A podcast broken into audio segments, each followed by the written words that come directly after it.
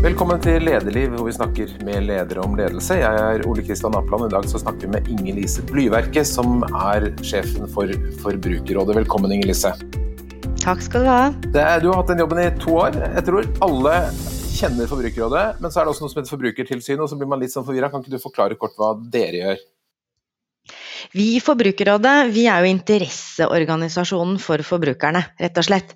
Så vi skal løfte fram politiske saker på dagsorden eh, som omhandler forbrukerne. Sørge for at de rettighetene som forbrukere trenger, blir eh, de de skal være. Og så eh, har vi i tillegg en eh, publikumsrådgivning. Altså vi skal rådgi og bistå forbrukere som trenger hjelp.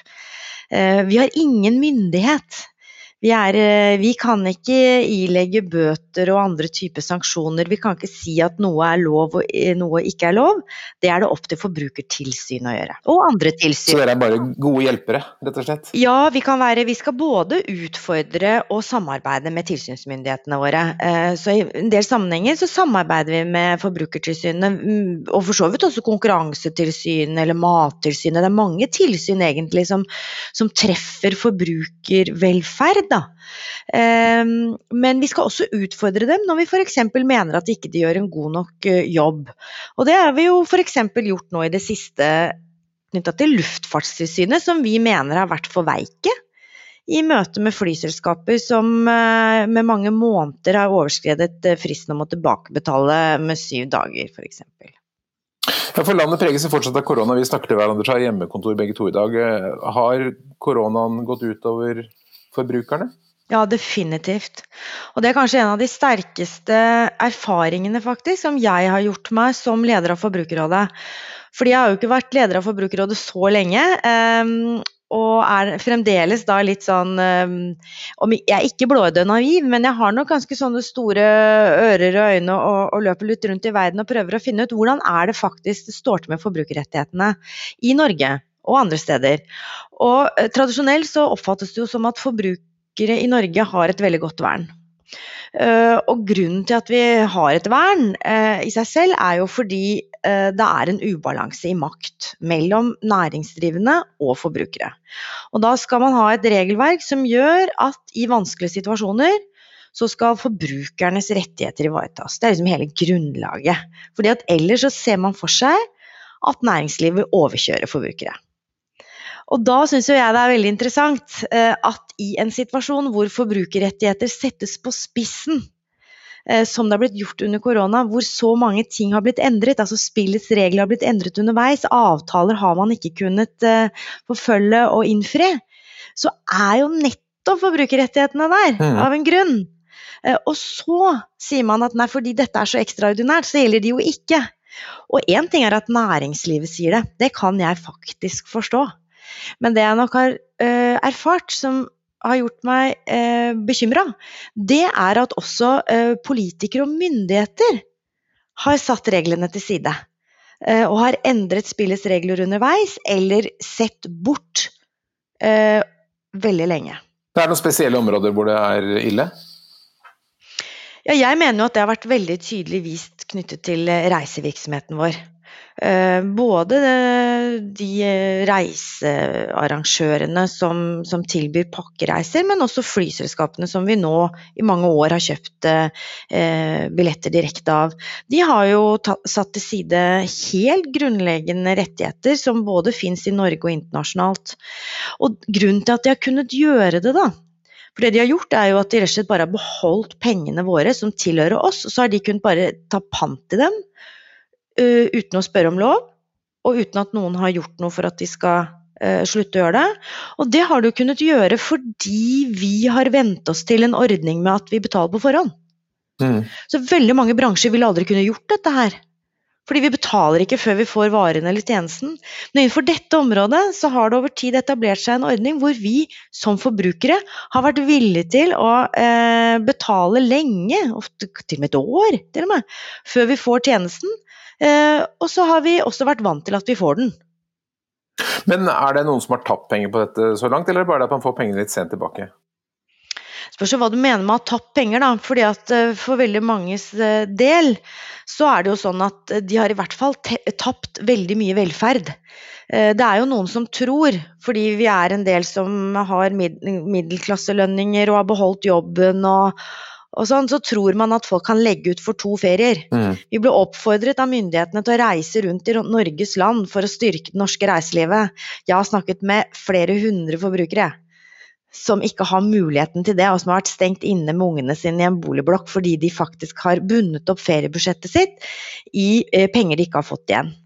Eh, så det er liksom den ene. Det er faktisk noen som, som ikke bare kan trekke på skuldrene og si at ja, men det kommer i morgen eller om to måneder eller et halvt år. Det betyr ikke så mye for meg.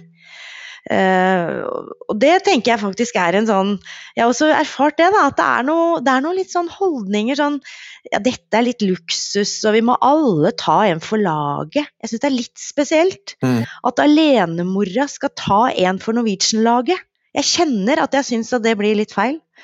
Men, tenk, tenk, men, tenker du at disse eh, aktørene som uh, behandler forbrukeren dårlig, at det er liksom litt uvillig, eller er det bare desperasjon? De har ikke noe penger, at de må eventuelt si opp sin egen, at de er nødt til å, at de er nødt til å være kjipe, liksom? Nei, altså næring altså, Nødt til og nødt til. Altså, poenget mitt er jo at ingen andre bransjer har hatt muligheten til å gjøre det som f.eks. reisebransjen gjør. Så Poenget her er at andre bransjer har ikke tatt pant på forhånd. De har ikke fått pengene, så de har ikke hatt muligheten til å gjøre det. Så det er jo et, et valg som, som, andre bransjer ikke har hatt. Andre næringsdrivende som har like krevende situasjoner, like utsatt. Eh, så sånn sett så, så, så er det, jeg har ikke noe behov for å demonisere eh, reisebransjen. Selvfølgelig har jeg ikke det. det alle forstår at det er en vanskelig situasjon.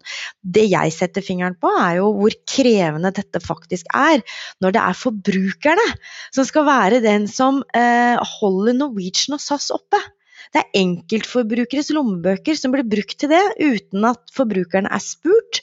Eh, og med etter hvert, syns jeg, da, myndighetenes velsignelse. Mm. Hva har dere gjort i den saken? Vi har jo eh, selvfølgelig sagt fram dette. Vi har hatt møter med selskapene. Jeg har hatt flere møter både med forbrukerminister og samferdselsminister. Vi har hatt møter med Luftfartstilsynet. Eh, men vi, som jeg sa, vi eh, har ikke politimyndighet. Vi har ikke anledning til å skrive ut bøter og, og sanksjoner. Eh, vi har eh, også fått laget juridiske utredninger som, som, sier noe om hva vi mener eh, både det, nasjonale og det internasjonale regelverket tilsier. Eh, så vi har på en måte gjort pådriverjobben eh, så langt vi makter, mener jeg. Vi har jo vært eh, høyt i media. Vi har prøvd å gjøre det også problematisk både for myndigheter og, næringsliv å fortsette å, agere sånn. Og så har vi selvfølgelig da, tatt jobben vår med å svare på telefon og e-poster og chatter fra veldig veldig mange forbrukere, som etter hvert begynner å bli veldig frustrerte, og som på et tidspunkt også eh, kunne være tilbøyelig til å vende frustrasjonen mot oss. Mm. Ser du for deg at dette kommer til å føre til noen endringer på sikt, når vi liksom legger dette bak oss? Ja, det tror jeg.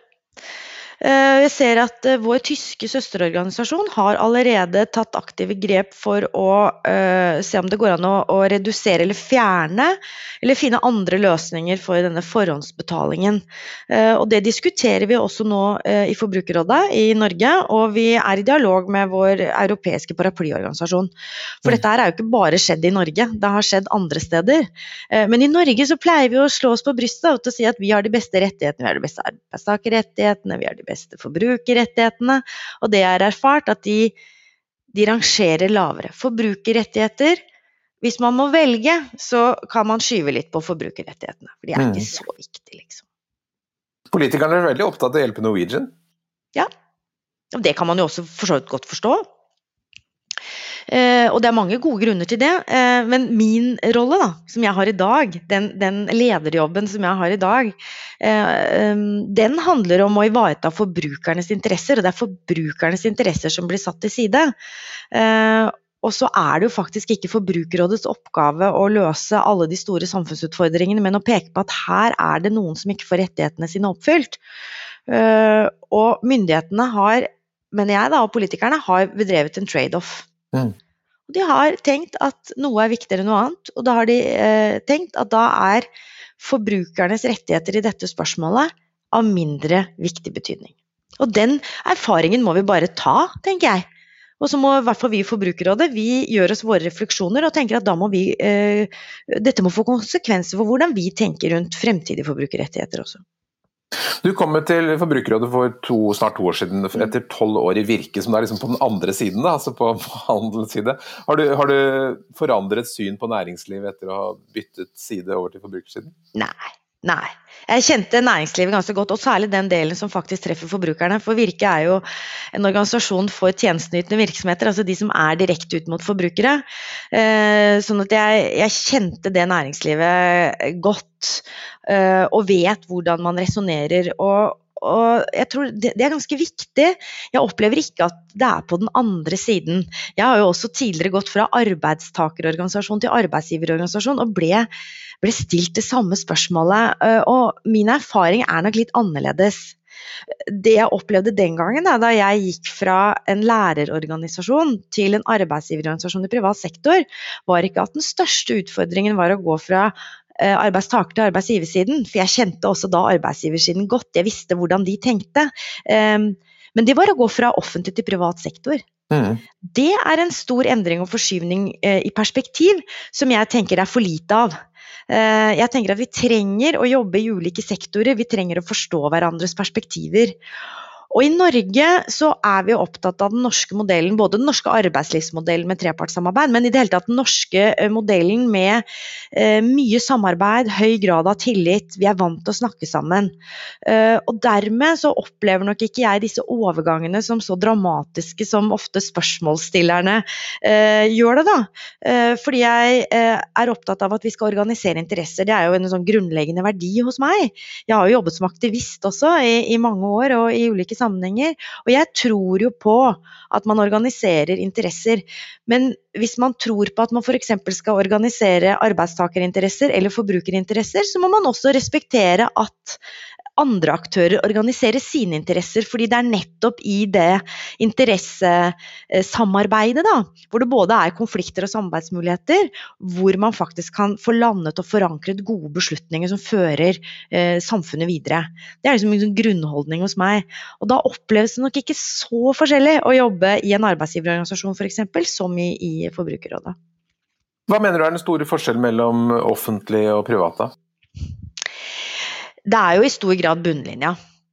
Jeg tenker at det faktisk styrer ganske mye. Man har, eh, man har i privat sektor, i hvert fall i store deler av privat sektor, en, en annen holdning til eh, lønnsomhet og et trykk utenifra som styrer strategiske øh, beslutninger, og for så vidt også daglige øh, avveininger. Mens i offentlig sektor så har man jo ofte et veldig stort oppdrag. Eh, et oppdrag som betyr mye for mange. Det gir jo en enorm kraft, eh, mener jeg, i ganske mange deler av offentlig sektor. I hvert fall de delene som jeg kjenner, f.eks. skoleverket, og nå i en interesseorganisasjon f.eks. Eh, men vi må finne andre måter å hva skal vi si, uh, oppleve burning platform eller sense of urgency. Det er ikke nødvendigvis uh, å gå nedenom og hjem, selv om en organisasjon som min jo kan kjenne på det. Ja, for Det er opplevelsen ofte kanskje fra næringslivets side at i det offentlige så er man mer opptatt av å ikke gjøre feil enn å faktisk oppnå ting, mens i næringslivet så er man veldig resultatorientert. Mm. Og og det jeg sier hver eneste dag på jobb da, til, til, mine medarbeidere, fordi at jeg har jo en veldig dedikert gjeng. Jeg speeddatet jo alle 140 ansatte da jeg startet, og fikk en, en veldig klar erkjennelse av at uansett hva folk jobba med, så identifiserte de seg veldig sterkt med samfunnsoppdraget som Forbrukerrådet iverksetter, og er veldig glad i, i si, konseptet Forbrukerrådet. Eh, og det, var jo liksom, det er jo en fantastisk kraft. Og, og, og jeg opplevde at det, også da jeg begynte, skjedde ekstremt mye godt forbrukerarbeid. Men som jeg sa, hver gang du gjør noe bra på jobb for forbrukerrettigheter, så fortrenger du også annet arbeid som kunne vært enda bedre for forbrukerrettighetene. Så vi har jo et veldig stort ansvar for å forvalte skattepengene på en sånn måte at de kaster mest mulig forbrukervern av seg. Og det er helt bevisst at jeg bruker sånne næringslivstermer i møte med mine medarbeidere, fordi jeg mener at det er grunnleggende sett det det, det, det handler om. Vi kunne også gjort andre valg hver eneste dag, som enten hadde ført til eh, dårligere eller bedre forbrukervern.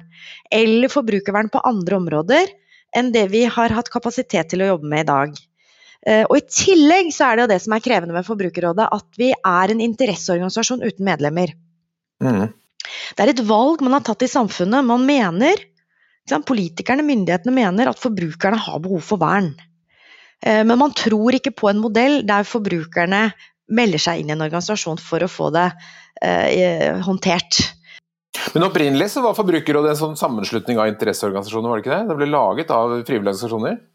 Ja, det startet jo med noen husmødre eh, i sin tid på 50-tallet som så behovet for at eh, rett og slett egentlig at eh, husmødre i rollen som forbruker og ansvarlig for familiens økonomi slo seg sammen.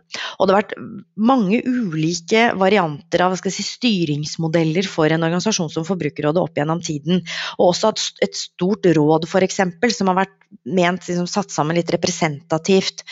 Den modellen vi har i dag er jo at vi er underlagt et departement, men med særskilte fullmakter, og med et styre som Forbrukerrådet uh, rapporterer til, og det er styret som uh, ansetter direktøren. Uh, og det betyr jo også at vi må ha en veldig høy grad av legitimitet. Vi må oppleves som legitime på vegne av forbrukerne. Selvsagt for forbrukerne i seg selv, men også at politikerne oppfatter oss som legitime. At, vi, at, de kjenner igjen de forbrukerrettighetene og forbrukerutfordringene som de møter i sitt virke, når Forbrukerrådet uh, snakker. Og Det er en stor og viktig oppgave også som leder, da, når vi må velge mellom uh, masse forbrukerelendighet. Det er elendighet, masse forbrukerelendighet nok til flere forbrukerråd. La oss snakke litt til om dette med forholdet mellom offentlig og privat. Det har vært innom i Lederliv mange ganger, det er et spennende tema. Hva tenker du at de to sektorene har å lære av hverandre? Det jeg kjenner på, eh, som, som, jeg kanskje har erfart, da, det er jo at mer er likt enn man tror. Men, eh, så, så når, jeg når jeg gikk fra offentlig sektor til privat sektor i sin tid, så opplevde jeg en veldig sterk grad av pers perspektivforskyvning. Men mye av det handlet jo om mine fordommer. Det handlet om at jeg trodde at uh, de som jobbet i offentlig sektor, uh, de hadde et sterkt samfunnsoppdrag, følte på et sterkt samfunnsansvar, mens de i privat sektor de hadde bare liksom, profitt som mål. Uh, og så har jeg jobbet i en organisasjon og truffet veldig mange ulike næringsaktører som jo har en høyere himmel over det de driver med. Som ofte har både dobbel og trippel bunnlinje godt integrert i eh, sin måte å tenke business eh, på. Men at den, den, den, grunnleggende bunnlinja, da, og for så vidt også topplinja, eh, den kan de aldri løpe fra. De, de, de, kan ha så mye ønske om bærekraft for eksempel, som mulig, men hvis de går nedenom og hjem, så hjelper jo ikke det. Ikke så de må finne den balansegangen. Men det har nok jeg Jeg har også opplevd at i privat sektor har vært kjempegode på å inkludere folk som står utenfor arbeidslivet. Mye bedre enn i offentlig sektor. Eh, som kan f.eks. kjøre kvalifikasjonsprinsippet foran seg eh, og lage masse omfattende planer, men egentlig ikke klare å integrere noen. Um, sånn at det er vel kanskje mer det at jeg jeg kjenner at vi trenger å altså Flere av oss vi trenger mobiliteten i arbeidslivet. Og vi trenger den mellom sektorene, for jeg tror det øker forståelsesrammen vår da, for uh, hva det er å drive uh, virksomhet i Norge, om den er offentlig eller privat. Uh, men det jeg merker da i rollen som Forbrukerrådet, det er jo at næringslivet har stor hang til eh, arroganse. Mm. Eh, jeg har jo jobbet som kvinne, det kan vi sikkert snakke om, også innafor en del mannsdominerte funksjoner. Sånn som f.eks. at jeg har jobbet med tariffpolitikk. og har vært utsatt for mye hersketeknikker. Eh, men de hersketeknikkene jeg er blitt utsatt for etter at jeg ble forbrukerrådsdirektør, Ja, de overgår det meste, altså. Eh, for det må jeg si, næringsaktørene i Norge har det for vane å si at vi er veldig glad i Forbrukerrådet. Veldig fint at vi har Forbrukerrådet. Vi syns det er en styrke at det finnes en organisasjon som ivaretar forbrukerinteressene. Men når vi kommer til bordet, så har jeg møtt fra, og det gjelder i alle bransjer, så godt som, eh, at det er jo en del vi ikke forstår, da. Ja, ikke sant. Dere får ja, Nei, skjønner ikke. Er, hvis dere hadde skjønt det vi skjønner, vi som har skoene på, så hadde dere hatt en annen inngang. Da hadde dere forstått at vi må gjøre det på den måten. Da hadde dere akseptert f.eks. også, som næringslivet jo gjør, når, når de begynner å merke at det snart kommer til å komme en lovendring som regulerer dem, Eh, etter at de har avvist problemstillingen i 10-15 år, så sier de ja, men dette skal vi fikse selv med en bransjestandard eller en selvregulering. Og det er mye, mye bedre, for da er det på våre premisser, og da kommer ikke dette til å stå i veien for lønnsomhet. Hvordan er du? Hvordan, hvordan blir du når folk kjører sånne teknikker på deg? Ja, veldig godt spørsmål. Um, det har, hatt, det har, egentlig blitt speilet litt i organisasjonen, fordi det var en del av medarbeiderne mine som nok var litt spent på denne dama som kom fra den sida. Eh, og jeg også kom inn i Forbrukerrådet og var veldig tydelig på at vi må samarbeide med næringslivet. Det, flesteparten av løsningene ligger jo der. Ehm, vi, vi, kan ikke alltid være sånn som bare står og, og hyler, liksom. Jeg vil at vi skal eh, finne fram til strategiske uh, samarbeid. Og da var det noen som ble litt sånn skeptisk, som har blitt brent ganske mange ganger og lurte nok litt på hva er dette her for noe. Um, og uh, det de nok erfarer, da og som jeg har fått tilbakemelding på, det er at jeg kan bli veldig skarp. Jeg er i utgangspunktet veldig øh, opptatt av samarbeid, men jeg forventer øh, respekt og jeg forventer rolleforståelse. Og hvis jeg ikke får respekt, enten som person eller i egenskap av det organisasjonen jeg da leder, da blir jeg veldig skarp. Og da, jo, og da blir nok jeg arrogant tilbake. Jeg har nok antageligvis en hang til arroganse, jeg også. Og, og, kan nok i en del sammenhenger også uh, selvfølgelig utnytte den kunnskapen jeg har om at jeg faktisk forstår hvordan de tenker. Jeg mener at i 90% av tilfellene så bruker jeg det for å skape et bedre samarbeidsklima, og så kan jeg også bruke det for å ta dem litt på hjemmebane. Men generelt, altså ja, vi har jo i Apeland jo målt omdømmet til bedrifter i veldig mange år og har ganske sånn stort bilde av hvordan folk flest oppfatter eh, næringslivet. Og det virker som om eh, næringslivet i Norge generelt har blitt mye flinkere til å lytte og tilpasse seg og være forbrukervennlig, hvis vi ser f.eks. et 20-årsperspektiv. At eh, de der verstingene som eh, lurer og svindler og sånn, de blir på en måte litt luka ut av markedet. At vi har veldig mye gode bedrifter eh, generelt nå. Ja, jeg er jo oppdratt også i den, uh, i, den tradisjonen, da. At, uh, og at uh, vi i utgangspunktet har veldig stor andel seriøse virksomheter som innenfor de lovene og reglene vi har, gjør sitt beste. og har, føler et stort ansvar for å, for å, sikre drift og arbeidsplasser. Så jeg er ikke uenig med deg i det. Men det er klart at det er en del sammenhenger hvor de, hvor de kommer på kollisjonskurs. Uh, og det som kanskje uh, blir utfordringene framover, det blir jo ikke nødvendigvis bare disse hva skal vi si, useriøse slash kriminelle, for det har vi jo også uh, erfart i de senere årene. At vi har fått inn et segment av kriminelle virksomheter som faktisk har det som forretningsidé å lure. Mm. Så Det er jo hele den arbeidsmiljøkriminalitet-delen som for så vidt vi prøver å styre noe unna. da. Ja. Eh, men så er det jo nye områder.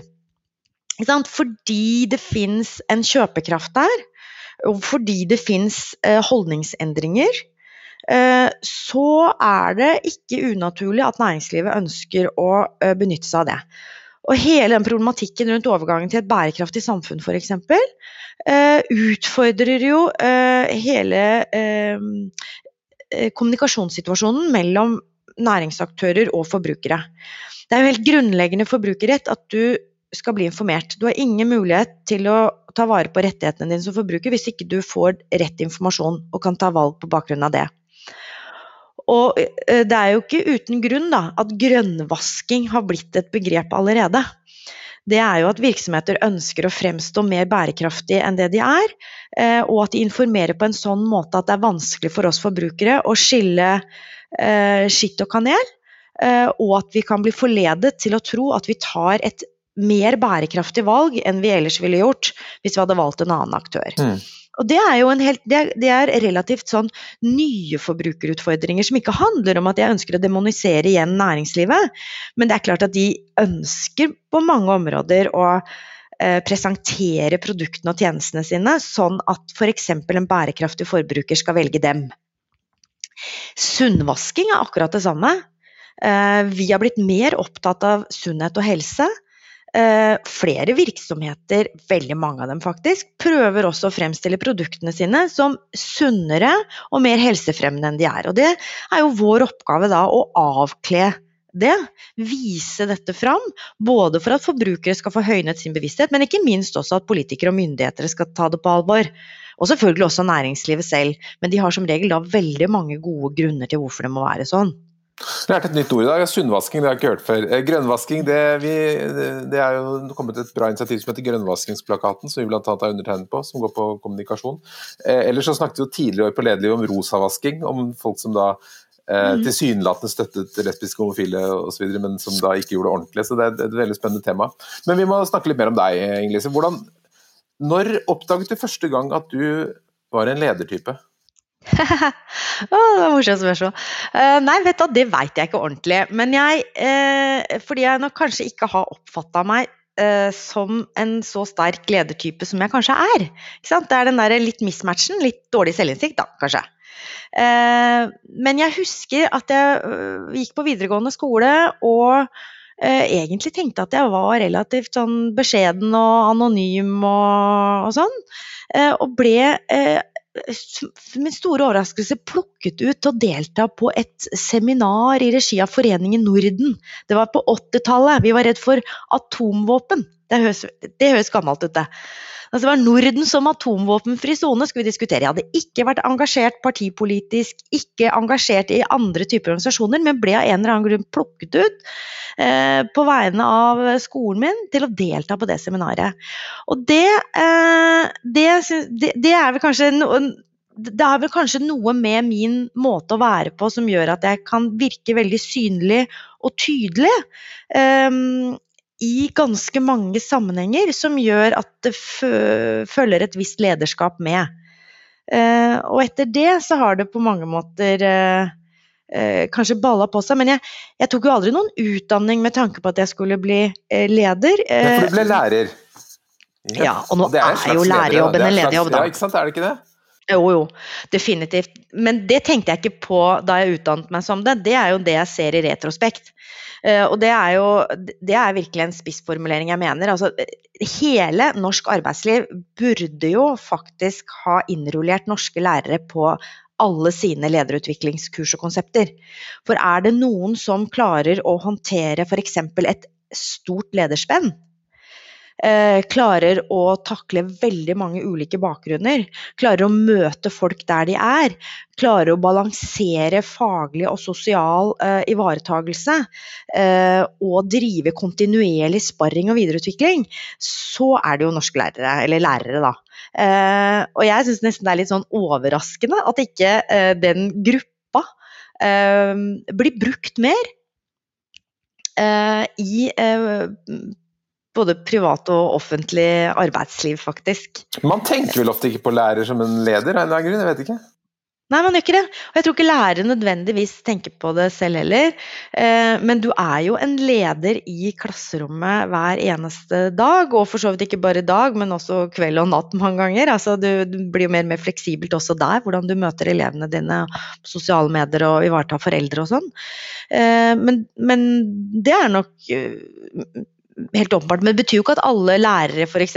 kunne tenke seg å være ledere i andre sammenhenger. For med lederskap øh, så, så fører en del med å, å ja, få en del personalansvar, da, som en del lærere ikke kanskje tenker at de også ville hatt det overfor andre voksne, for å si det sånn. At de føler det er mye mer meningsfullt å gjøre det fordi de ønsker å utvikle barn og mm.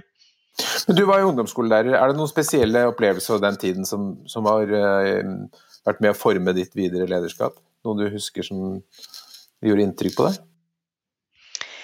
Veldig mye som har gjort inntrykk på meg fra de årene. Eh, jeg jo på, jeg har jobbet på flere skoler i Oslo, og også jobbet i, i, på skoler som, som kanskje mange syns kan ha virket krevende, i Groruddalen eh, bl.a. Eh, og det, det å, å, speile folk tror jeg er kjempeviktig. Jeg husker veldig godt da jeg jobba på Bjøråsen skole på Romsås Eh, så var jeg ekstremt bevisst på at jeg alltid skulle skrive eh, på tavla så nært deres talemål som overhodet mulig. For å prøve å vise dem at eh, det de var og det de sto for, har verdi, og har like mye verdi som alt annet. men det jeg jo erfarte da jeg skulle ta lærerutdanninga mi, og var på en eh, skole litt lenger vest i praksis, det var jo at Og jeg bodde da også i Groruddalen, kommer jo fra Groruddalen nå.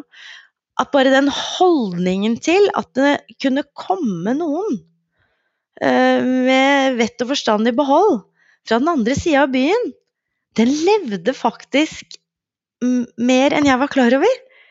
Eh, sånn at den opplevelsen av den delte byen, og at det faktisk er forskjeller i de grunnleggende betingelsene, det tror jeg nok eh, det, det, er veldig sånn sterkt hos meg, mm. eh, tror jeg, etter, etter, de årene. Og så er det vel kanskje sånn for lederskapets del, da, så må jeg jo si at det som funker på ungdomstrinnselever, har vist seg å funke i alle ledersammenhenger jeg har vært. Det er eh, Klarte jeg å lede og motivere og utvikle ungdomstrinnselevene, så eh, kan jeg bruke veldig mye av det samme og lykkes eh, i arbeidslivet som leder. Du må se folk, du må snakke med dem, og du må innimellom ta på dem. Jeg tror det er mange lærere som ikke hadde gjort det bra i næringslivet. Bare, vi må bare ikke ta de flinke lærerne ut fra skolen. Vi trenger dem Nei, Det er jeg helt enig om. Men, jeg er enig med deg. Men jeg tenkte kanskje at de kunne lånes ut innimellom for mm. å mhm. drive litt coaching og videreutvikling av, eh, av, norsk næringsliv. Men er du flink selv til å ansette det? Altså, det er jo mye snakk om, eller mange unge som står utenfor arbeidslivet, og fra Groruddalen er det jo veldig mange. Eh, er, det, er, du flink til å prøve å ta tak i de som eh, Altså ja, løfte opp de som trenger det, for å, mhm. inn? For det, for det det, det er så å si, Alle snakker om mangfold og man skal inkludere alle, sånn, men det blir jo fort at man plukker de som er like seg selv og som er diskvalifisert på alle mulige måter. Ja, kjempekrevende. Altså, og det handler litt om rekruttering på ulike måter, det da. Altså, noe av det som jeg også opplever som en utfordring når jeg da er en virksomhet som egentlig ikke er statlig, men som er statlig likevel. Vi må følge det statlige regelverket. Det er som jeg sa innledningsvis, at det kvalifikasjonsprinsippet det, det står faktisk litt i veien for å kunne tenke litt utradisjonelt og annerledes, og kunne teste ut arbeidstakere. Jeg opplever faktisk det. Så at skal du gjøre noen av de grepene for folk som virkelig står utenfor arbeidslivet, som jeg oppfatter at du eh, snakket om nå, så må man jo via tiltak i en eller annen forstand. Og det har jo vi også uh, i, i, Forbrukerrådet. Og, prøver å bruke noen av de virkemidlene som finnes i Nav-systemet for å åpne døra. kunne vært mye bedre, helt åpenbart, men, men det har vi gjort. Mm. Men så handler det om den der ordinære rekrutteringen, hvor egentlig man er kvalifisert. ikke sant? Altså, og, og, klarer man å se forbi det.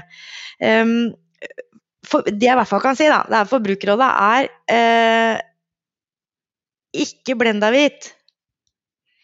Og vi er i hvert fall ikke eh, eh heteroseksuelle. Eh, i, i, en monoton uh, seanse. Vi er, vi, er, vi er, et større mangfold. Jeg tror det er flere som kan finne sin plass i Forbrukerrådet, på bakgrunn av at det uh, i noen sammenhenger kan være veldig, veldig spesifikk fagnerdkompetanse som kan ha drevet dem dit. Mm. Uh, eller det kan være et mer aktivistisk engasjement som driver dem dit. Sånn at jeg opplever vel kanskje at vi har et ganske sånn stort mangfold på akkurat det i Forbrukerrådet. Mm. Men men blindsonene mine er antageligvis minst like store som alle andre sine. Du nevnte, eh, eller vi snakker mangfold, altså du var jo aktiv i Landsforeningen for lesbisk homofil frigjøring, som nå heter FRI. Du har vært nestleder. Har det engasjementet betydd eh, noe for deg inn i lederrollen? Ja, altså det det betyr, er jo at jeg eh, tror jo på at det er viktig med engasjement, og at folk aktiviseres, og at folk tar eh, standpunkt, og at man faktisk er villig til å yte en innsats for å eh, for, det, eh, for, at den gruppa man tilhører i en eller annen sammenheng, får det bedre. Mm. Det, det, er en linje i det. da, At jeg har trivdes med å jobbe i eh, organisasjonsliv i hele mitt liv. Eh, der er det jo en sånn, Og hva jeg da gjør på fritiden og hva jeg gjør på jobb, har sånn sett eh, bare utfordret kanskje litt hverandre, eller det har fylt hverandre ut. Mm. Uh, men hvis du tenker på i, i, rollen min som altså, Ikke nødvendigvis at jeg har vært engasjert der, men at jeg på en måte er tilhører en minoritet, da. Hvis man, uh, så er det klart at det, det former deg som person. Mm. Ja, så det å Eh, jeg har liksom både kjent på det sjøl, og jeg har jobbet som lærer og prøvd å tilrettelegge for både at lærere skal kunne være åpne om eh, hva slags seksuell orientering de har, og at elever skal kunne være det. Og jeg har valgt å jobbe eh, for det i en større kontekst i arbeidslivet som sådan. Mm. Og, jeg har, ja, jeg har, og jeg har prøvd å, å synliggjøre at at vi er mange flere enn folk tror. Mm. Så, sånn sett så kan du si at det er jo jeg, jeg, tar det kanskje med meg inn i lederrollen med at Jeg tror jeg bygger tillit på det. Jeg tror bare det at folk vet at jeg er så tydelig på de tingene og har vært så åpen, og også har valgt ikke bare å være åpen, men valgt å bruke noe av kreftene mine på å jobbe for at flere skal få det uh, så bra som jeg har det, mm. uh, kan gi litt tillit og troverdighet i noen sammenhenger. Um, Nå er det 20 det år siden, du, to, 22 år siden du, eller 22 heter det, 22 år siden du engasjerte deg i, i den foreningen. Det, hvordan vil du oppsummere det som har skjedd sånn eh, inkluderingsmessig, mangfolds- likestillingsmessig på de 20 årene? Hmm.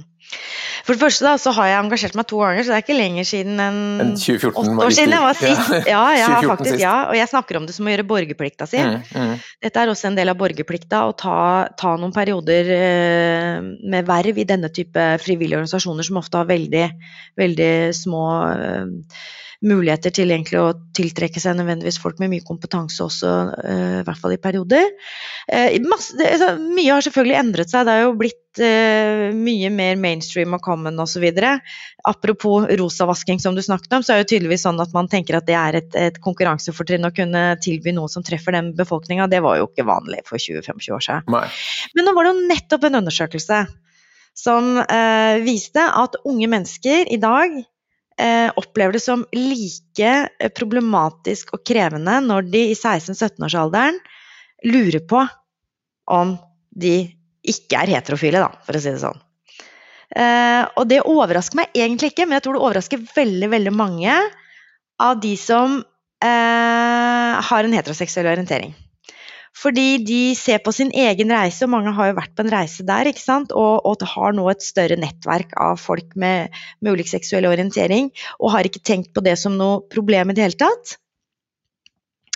Eh, men for unge mennesker så er det fremdeles akkurat like skummelt, akkurat like krevende. Mm.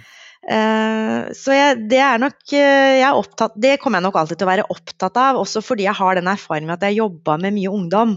Det er jo også noe av det jeg tar med meg. ikke sant? Sånn at uh, den, den, delen av det, den aktivistdelen av det, den, den, tar jeg nok med meg. Men, men helt sånn åpenbart så har det jo skjedd endringer. Ja, for i arbeidslivet må det ha vært, må, må eller i hvert fall mitt inntrykk at bildet er et helt annet i dag enn det var for 20 år siden? Ja, jeg tror nok det varierer litt, da. Det er nok fremdeles sånn at ganske mange eh, sier lite om den delen av sitt liv. Mm. Jeg tror vi må være klar over at Norge er forskjellig, og norsk arbeidsliv er forskjellig, og at det arbeidsmiljøet som du og jeg har, det er ikke nødvendigvis representativt for hvordan folk har det. Eh, og det er jo nettopp de der blindsonene vi snakker om, som er så viktige å ha med seg i all type arbeid, egentlig. Eh, sånn at jeg tror nok i en del deler av arbeidslivet og en del deler av landet, så er det fremdeles sånn at dette er noe man ikke snakker om. Uh, uten at det betyr at man blir aktivt diskriminert. Men undersøkelser viser jo at fremdeles så er det sånn at norske arbeidsgivere, hvis de kan velge, så velger de uh, homoseksuelle mennesker bort. Mm. Er, det, er, det, er, det, dokumentert? Ja. Og det er det, er det, og det, er og det vil vi nesten ikke erkjenne, for det virker så rart, liksom, i, i, i veldig mange av våre sine liv. Eh, men det er for meg, da, så er det bare en påminning om at eh, det er utrolig vanskelig å, å møte andre mennesker, særlig i en rekrutteringssituasjon, med et uhildet blikk. Eh, vi er så preget av våre fordommer, eller i hvert fall våre oppfatninger da, om, om, hvordan ting er eller ikke er. Men i det arbeidslivet som jeg kjenner, og som jeg har levd i selv, så har jeg jo opplevd det som uproblematisk for min egen del, mm. eh, men kanskje litt mer krevende for andres del. Og jeg opplevde f.eks. at i lærerorganisasjonen, som jeg var både aktiv i og ansatt i mange år, så tok det lang tid før de faktisk ønsket å erkjenne at dette kunne være en utfordring for både lærere og elever. Litt tilbake til denne reisen din, da. Fra lærer via lærerorganisasjon, via, gjennom Virke og så som leder for Forbrukerrådet for to år siden. Eh, når du da kom på kontoret første dagen og skulle være sjefen der, hvordan tenkte du at du ville være som leder? Jeg tenkte meg selv dette er ganske skummelt, fordi nå blir du toppleder for første gang. Dette var jo på mange måter min første skoledag, fordi jeg hadde aldri sittet med topplederansvar. Det var altså noen Eh, styret som valgte å satse på meg, eh, gi meg muligheten til å være leder av en organisasjon som jeg syns er veldig viktig og har betydning i norsk samfunnsliv, uten at jeg kunne vise til at jeg hadde toppledererfaring før. Så for meg så var det en, var ekstremt ydmyk bare for det. At jeg skulle gå inn og, og, og, fylle en rolle som jeg ikke hadde trent på som sådan før. Selv om jeg selvfølgelig hadde trent mye på lederskap. Så det var nok veldig viktig liksom, i hodet mitt, at jeg, jeg, rett og slett var litt sånn usikker. Mm. Brukte du mye tid til å tenke på det, hvordan du ville være? Nei, for den andre delen av svaret mitt er jo at øh, jeg øh, er, har jo drevet mye med lederskap og vet jo litt om hvordan jeg ble oppfatta. Og, øh, og, da tenkte jeg at jeg må være den jeg er best på å være. Og det er å være synlig, være tydelig og vise at jeg én er generelt veldig glad i mennesker. To generelt veldig glad i jobben jeg har. Og ikke redd for folk som kan og vet mer enn meg. Og det siste er helt avgjørende. Og det føler jeg at jeg har testet ut så mange ganger gjennom de lederoppgavene jeg har hatt. Fordi at jeg har ledet så mange mennesker eh, som har spesialistkompetanse som en, en som er lærer i bånn ikke har, helt åpenbart. Eh, og jeg har eh, erfart så mange ganger at det jeg sier, det er sant. Det, det, er bare en berikelse og en energiboost for meg. Og klarer jeg å ø, få frem det, uh, så er det jo en enorm kraft i folka rundt meg som gjør at ø, jeg vil kunne bli eh, støffa opp, da. Eh, og, og, få en beskyttelsesdrakt, egentlig, rundt meg når jeg følte at jeg tok et veldig stort steg da, med å skulle bli, bli toppleder. Er det noe i det å være på toppen som er annerledes enn du hadde sett for deg? Nei, eh, egentlig ikke. Fordi jeg har jo ment da, at de som sier at det er veldig ensomt på toppen, jeg har hørt i alle år. Jeg er så ensom på toppen. Så jeg tenker, hvorfor er jeg så ensom på toppen? Jeg kan ikke skjønne det. Det er så mye folk rundt deg, og mange, alle er jo ansatt for å egentlig eh, sørge for at eh, liksom, både du og virksomheten kan levere. Og eh, det er min erfaring òg. Det er ikke så ensomt på toppen som folk skal ha det til. Jeg sier ikke at det ikke fins ensomhet, eller at det fins dager hvor jeg har kjent på at ansvaret er mitt og, og mitt alene. I hvert fall en, en, en liten stund. Men, men, sånn på det jevne så opplever jeg det jo som en, eh, en fant, altså helt fantastisk. Liksom. Det er et kjempeprivilegium. Jeg syns det er et stort privilegium å få lov å lede en organisasjon med dedikerte medarbeidere, og få lede dem i det arbeidet vi gjør. Og jeg har massevis av folk rundt meg som som på ulike måter da, både eh, hjelper meg, og selvfølgelig også noen ganger forteller meg at jeg må gjøre ting på en annen måte. Og det har jeg nok lært meg å verdsette mer og mer. Mm. Det siste. Er det, du, er, det, er det, noen dilemmaer? Er det noe du grubler mye på i forhold til den lederrollen du har? Ja, det er det. Og jeg merker det veldig nå eh, som vi er i den ekstraordinære situasjonen vi er i, og som viser seg å vare lenger enn det vi eh, kanskje så for oss, og eh, som varer på ubestemt tid. Eh, og vi, eh, vi har jo ikke kunnet sette Eh, en ting er Vi har liksom ikke kunnet sette selvfølgelig det, det, grunnleggende forbrukerrådsarbeidet på vent, det skulle bare mangle. og Det har vært en, en, veldig energiboost også for både meg og alle mine medarbeidere. At vi betyr noen ting. Det er viktig at Forbrukerrådet finnes i denne tiden. Men det er jo en del interne prosesser som også skal gå sin gang. Som, øh, og, og, vi har jo fått vedtatt en ny strategi som skal implementeres. Vi justerer nå organisasjonsstrukturen vår. Eh, vi pusser opp lokalene. Det er ganske store, i tillegg til at vi ferdig ferdigstiller en, en større eh, omorganisering. Da. Jeg fikk jo en omorganisering i hodet eh, idet jeg begynte, ikke sant? Som, hvor vi, en del av våre medarbeidere skal over til uh, det nye Forbrukertilsynet. Det er veldig veldig mange ting som pågår, mm. og vi kan ikke treffes og møtes på samme måte som før. Jeg kan ikke gå i gangene og snakke, jeg kan ikke finne mellomrommene, for å si det sånn. Jeg kan ikke fange opp uh, ting, jeg kan ikke se de jeg ikke liksom har en, en møtearena med, på samme måte som du kan når du beveger deg rundt i et arbeidsfellesskap. Og særlig i Forbrukerrådet, hvor, hvor ingen sitter eh, annet enn i landskap heller, sånn at vi, vi, ser hverandre. Og det grubler jeg mye på. Hvordan skal vi klare både å holde fremdrift, liksom, og samtidig klare å gjennomføre prosesser som angår hver enkelt, og som skaper en del uro og støy. Uh, og der finnes det jo ikke noe fasitsvar, så jeg kan jo for så vidt gruble meg i hjel, for det finnes jo ikke noe fasitsvar på det. Men, men, det er kanskje noe av det jeg kjenner litt på, da.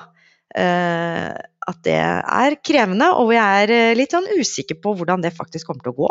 Mm. Ja. Og det sier jeg. Ja. Du er, er liksom å, du er, ikke redd for å si det? Være, altså, for å gi uttrykk for usikkerhet?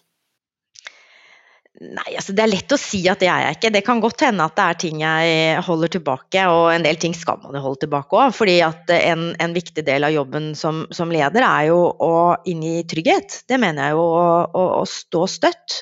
Hvis det, hvis det, er mye annet rundt som rauser, så skal du jo stå støtt. sånn at du kan jo ikke dele enhver eh, refleksjon du har på det området.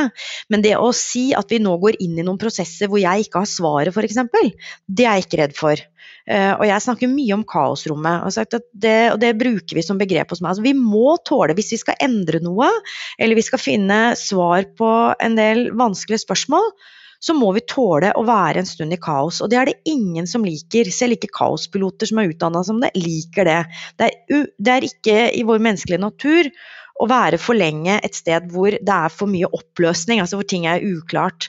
Og det å trene på å stå i den type prosesser og si at ja, men nå må vi teste ut noe, nå må vi, vi må prøve, vi, vi veit ikke helt hvordan det går. Det eh, det kjenner jeg på, og det kjenner nok helt sikkert medarbeiderne mine på. Og det snakker jeg om. For det mener jeg at det er det, det, er det viktig å snakke om. Helt til slutt, Inger-Lise. Hvis det kommer en ung person til deg og sier jeg vil bli leder, jeg vil bli sånn fantastisk leder som deg. Hva er de tre viktigste rådene du vil gi? Hvordan blir man en god leder? Jeg er helt sikker på at det ikke er så innmari mange som kommer og sier at de vil bli som meg. For så god leder tror jeg ikke at det er. Det tenker jeg kanskje er det første rådet. da, Være liksom, være litt ydmyk på egne vegne. Um, det er ingen av oss som, er, eh, som, som, alltid er på topp, eller som alltid klarer å være den gode, rause, tydelige, inkluderende, strategiske, taktiske lederen som du jo på en måte egentlig skulle ønske at du var. Så Det er liksom det første. Liksom vær, vær, både ydmyk over at du, selv når du er på ditt beste, fremdeles kan ha noen, noen utfordringer, og vær også raus. Altså det, det, det, i seg selv, tenker jeg. Og så er det jo øh, veien til lederskap, da den går jo gjennom å ta ansvar. Eh, jeg har jo ikke lagt noen lederløpskarriere, og veldig mange av oss, kanskje litt sånn spesielt i Norge, fordi vi skal jo egentlig ikke ha ambisjoner i Norge, så egentlig skulle jeg ønske at jeg sa at jo, jeg har liksom hatt en plan om å bli leder, men jeg har jo ikke det. Eh, men det er jo ikke så fett å si det heller. Men, men jeg tenker at det å ta ansvar på en eller annen måte, eh, er jo den beste måten å trene lederskap på. Det er jo rett og slett å tørre å stikke seg frem og si at jeg har en idé, og jeg tar også ansvar for å drive den et stykke videre i organisasjonen f.eks. Mm. Eh, eller jeg er villig til å påta meg et, eh, et, eh, et, område som ingen andre har, fordi jeg ser at det er viktig i en periode. Altså Gjøre sånne ting, det tenker jeg er et, eh, et klokt grep.